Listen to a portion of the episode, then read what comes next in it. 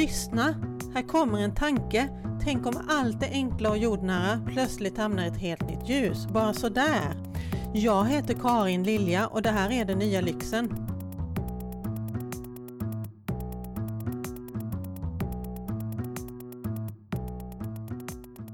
Jag och min man har köpt en gård. Och det är en gård som stått övergiven i många år och numera är rätt förfallen. Trekammarbrunnen har tjänat ut och källardörren har rasat in. Det finns en grävd brunn men den har inte blivit använd på åratal så det är osäkert om den har drickbart vatten. De flesta grannarna har borrat efter vatten och har god tillgång då så det kommer vi nog också få göra. Micke som ägde huset innan oss hade ställt ut ett halvdussin stora Kleinblå plasttunnor under stuprören. Fula, tänkte jag när jag såg dem första gången. De tar vi bort. Men de står kvar än, för det är oerhört praktiskt att ha tillgång till någon slags vatten. Du kan inte tro vad mycket man behöver ha vatten till. Och då talar jag inte bara om vatten för att dricka. Nej, det är hinkar som ska sköljas, händer som ska tvättas, lervällingar som ska blandas. Då är det praktiskt att ha vatten och då blir de blå tunnorna mindre fula. Vattnet på min gård är värdefullt. Sen när jag kommer hem till det hus jag bor till i vardags, till villan, ja, då vill jag alltid ta en dusch efter att ha varit på gården. Jag låter duschen stå ett tag innan jag hoppar in så att vattnet blir riktigt varmt. Det är som det inte är så värdefullt längre det där vattnet. Det kommer ju ur en kran som fäster till ett rör, som fäster till ett annat rör och så kommer vattnet farande från långt bort i stan. Eller någon sjö i Småland, vad vet jag? Jag har ju ingen relation till vattnet här i stan. Jag äger vattnet. Dålig vattentillgång eller vattenkvalitet, det är något som vi kanske mer förknippar med länder långt borta från Sverige. Mer än två miljarder människor har inte tillgång till rent dricksvatten. Och de två miljarderna, de bor sällan i Sverige. Och visst, ser man på en karta över vilka konflikter som de senaste tio åren initierats eller försvårats genom brist på vatten, så finns de flesta längs ekvatorn, där det är varmt. Det är allt från cyberattacker mot vattendammar till att vattentransporter eller källor sprängts mer eller mindre med vilje, till folkliga uppror som har samband med vattenbrist. Enligt forskarna Peter Gleick och Matthew Heberger har antalet rapporterade fall av vattenrelaterade dispyter och våld ökat de senaste åren. Men det kan bero på att själva rapporteringen har blivit bättre tack vare internet. Men eh, de menar att det som ibland beskrivs som mellanstatliga krig om vattenresurser, alltså det som kallas the war on water, ja, det är nog mer en medieanka. Det som verkar bli allt vanligare än är istället lokala konflikter om vatten. Brist på färskvatten, förgiftat vatten, odrickbart vatten. Om du vill titta själv bifogar jag i show notes på den nya lyxen.se en karta över vattenkonflikter genom tiderna och idag. Men eh, vattenbrist och dålig vattenkvalitet kan finnas över hela världen. Det behöver inte bero på att det är särskilt varmt eller fattigt eller så, utan det finns fler orsaker. Därför bör även vi i vattenrika Sverige dra lärdom av de erfarenheter som finns runt om vårt jordklot. Man börjar till och med tala om peak water. Med peak water vill man belysa den begränsade tillgången till färskvatten som finns att tillgå på ett hållbart sätt. Vatten är ju en förnyelsebar resurs till skillnad från annat som benämns som peak, till exempel peak oil, peak phosphorus, peak helium och så vidare. Men med peak water belyser man att det finns vattenbrist på många ställen i världen och att vi behandlar vårt vatten illa. De länder som använder allra mest vatten i världen är Kina och Indien och det är kanske inte så konstigt eftersom de är de folkrikaste länderna. Men på plats tre finns USA som använder mycket vatten både för sin industri och för sin konstbevattning, förutom att det är ett folkrikt land. Att man konstbevattnar så mycket i USA beror på den starka livsmedelsindustrin och mycket av den amerikanska maten exporteras sedan vidare. I exempelvis delstaten Kalifornien är vattentillgången en het potatis eftersom de inte har en riktigt hållbar lösning för det. Som en av världens kornbodar och samtidigt en av världens mest populära ställen att bo på använder Kalifornien betydligt mer vatten än vad som är hållbart med återkommande vattenbristkriser som följd. Kanske är det inte så konstigt att det finns en hel del filmer om vattenbrist med tanke på att Hollywood ligger där det ligger. Allt från barnfilmen Rango till Dune och Chinatown och såklart alla westernfilmer där dammet yr i den snustorra öknen. Just det, Chinatown, du vet den där med Jack Nicholson? Ja, den bygger på en sann historia. Där för ungefär hundra år sedan agenter från Los Angeles köpte upp mark i Owens Valley. Och det var mark med rättigheter till vattentäkter. Owens Valley var då ett frodigt lantbruksområde men eh, Los Angeles byggde en ledning, den så kallade Los Angeles-akvedukten.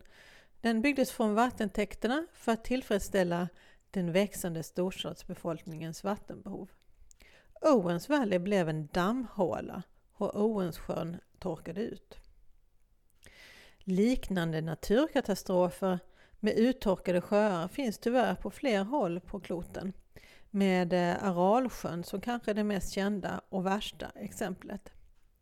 När jag gick i skolan på 1970-talet lärde vi oss att Aralsjön var en av världens största sjöar.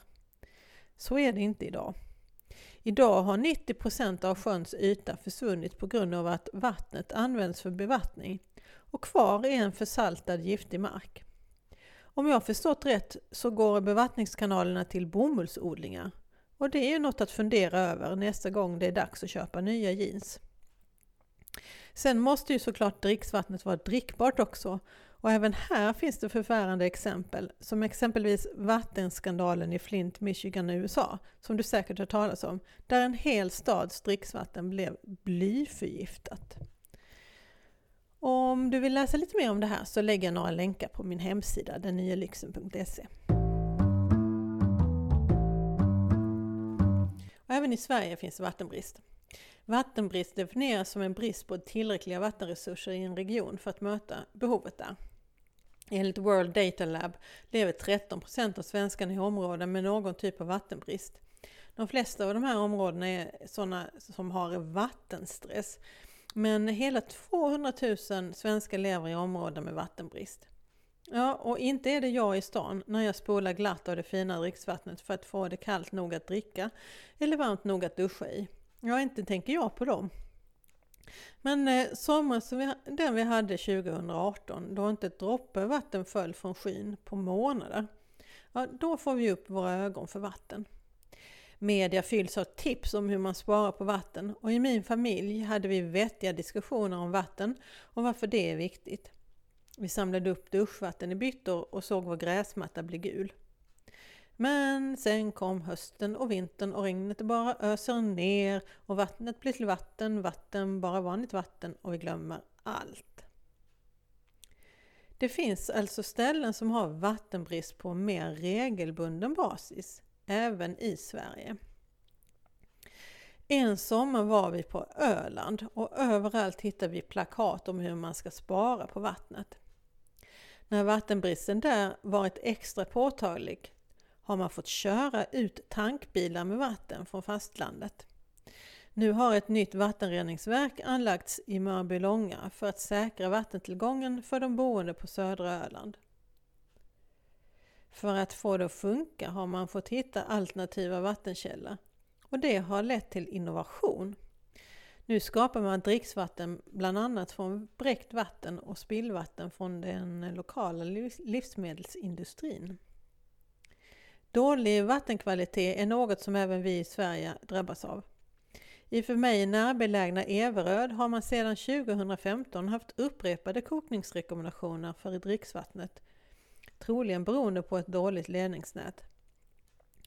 Människor har blivit magsjuka och man har hittat olika typer av bakterier och virus i det kommunala vattnet. Jag jobbade själv i Lunds kommun när vi fick gå ut med upprepade kokningsrekommendationer.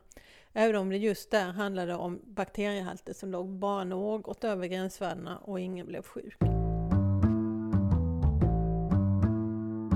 Men det finns de som uppmärksammar och tar vara på vatten och vattendrag, ibland genom lag. I exempelvis Slovenien deklarerade man genom lag för några år sedan att dricksvatten är en grundläggande rättighet för medborgarna och att det inte får kommersialiseras. Och man blir då det första europeiska landet att göra så. Du har kanske hört talas om Wanganui-floden i Nya Zeeland? Ja, det är en flod som Wanganui-maorierna håller som helig, en Te Awatupua. En flod med heliga krafter. När européerna koloniserade Nya Zeeland annekterade de floden och utnyttjade den för vattenkraft.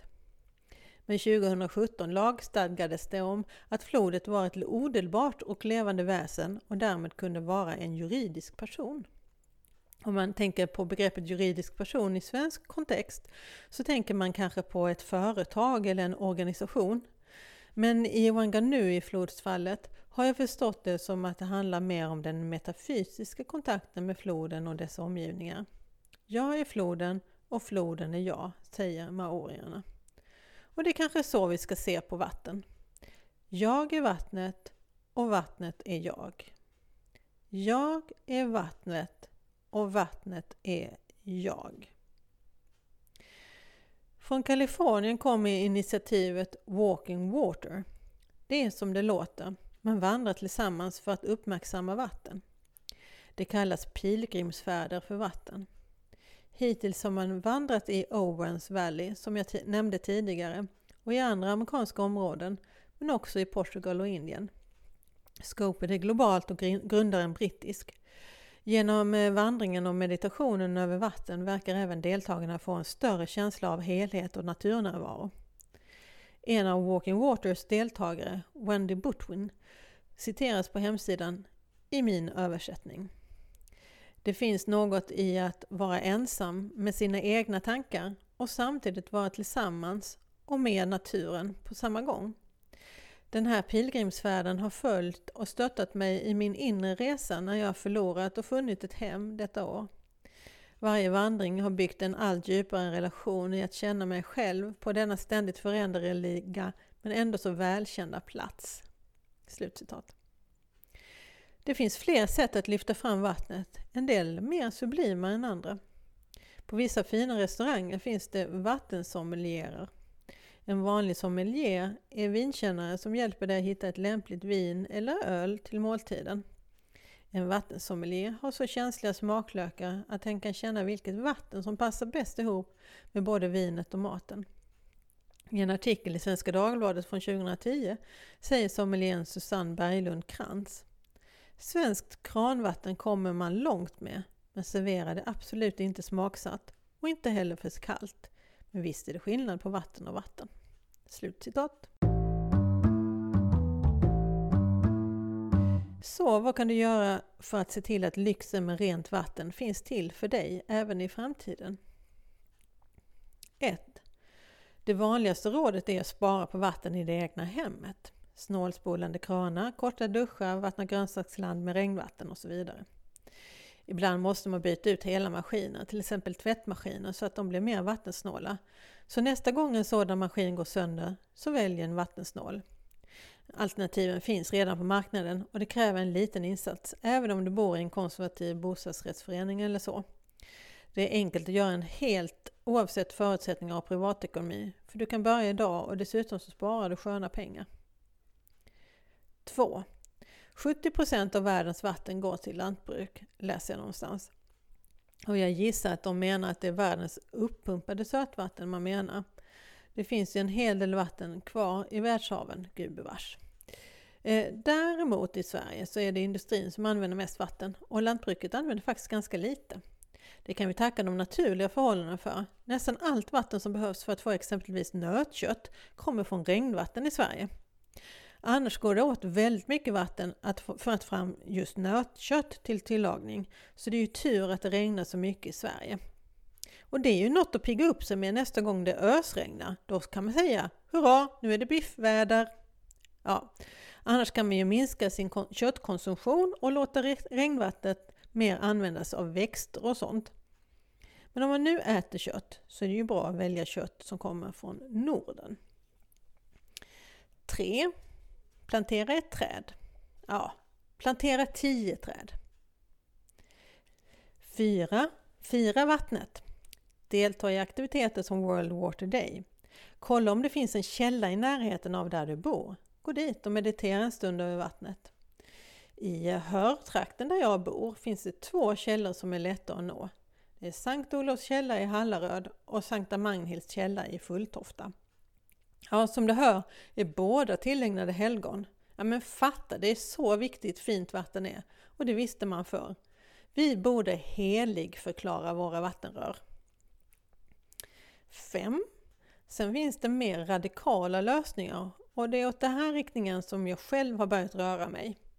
Ta exemplet vattenklosetter, WC, som vi alla tar för självklart, men som egentligen är ett avancerat system att bajsa i vårt dricka. Skulle du bajsa i Coca-Cola? Skulle du bajsa i en tron fylld av Sauvignon Blanc? Nej, knappast, det är ju äckligt. Men i vårt dricksvatten, ja men det får ta, ursäkta mitt språk, hur mycket skit som helst. Igår fick jag ett fint brev och det var från kommunen där vi har gården. Och det meddelade att vi får lov att ha urinseparerande toalett och ett eget cirkulärt avloppssystem på gården. Yes! Jag har fått okej okay på att jag ska slippa att skita i mitt vatten och det gjorde min vecka.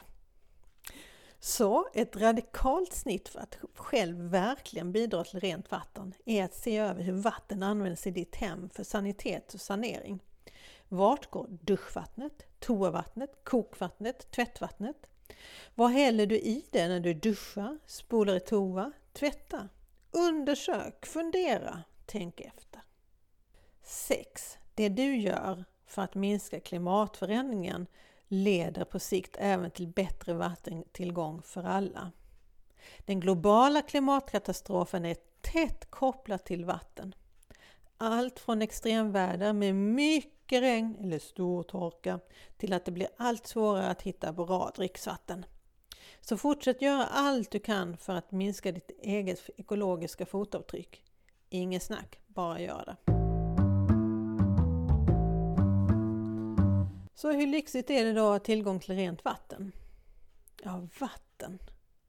Man kan klara sig utan vatten i några dagar, upp till ett par veckor beroende på hur varmt det är. Och det är kort jämfört med mat där man kan klara sig i några månader utan.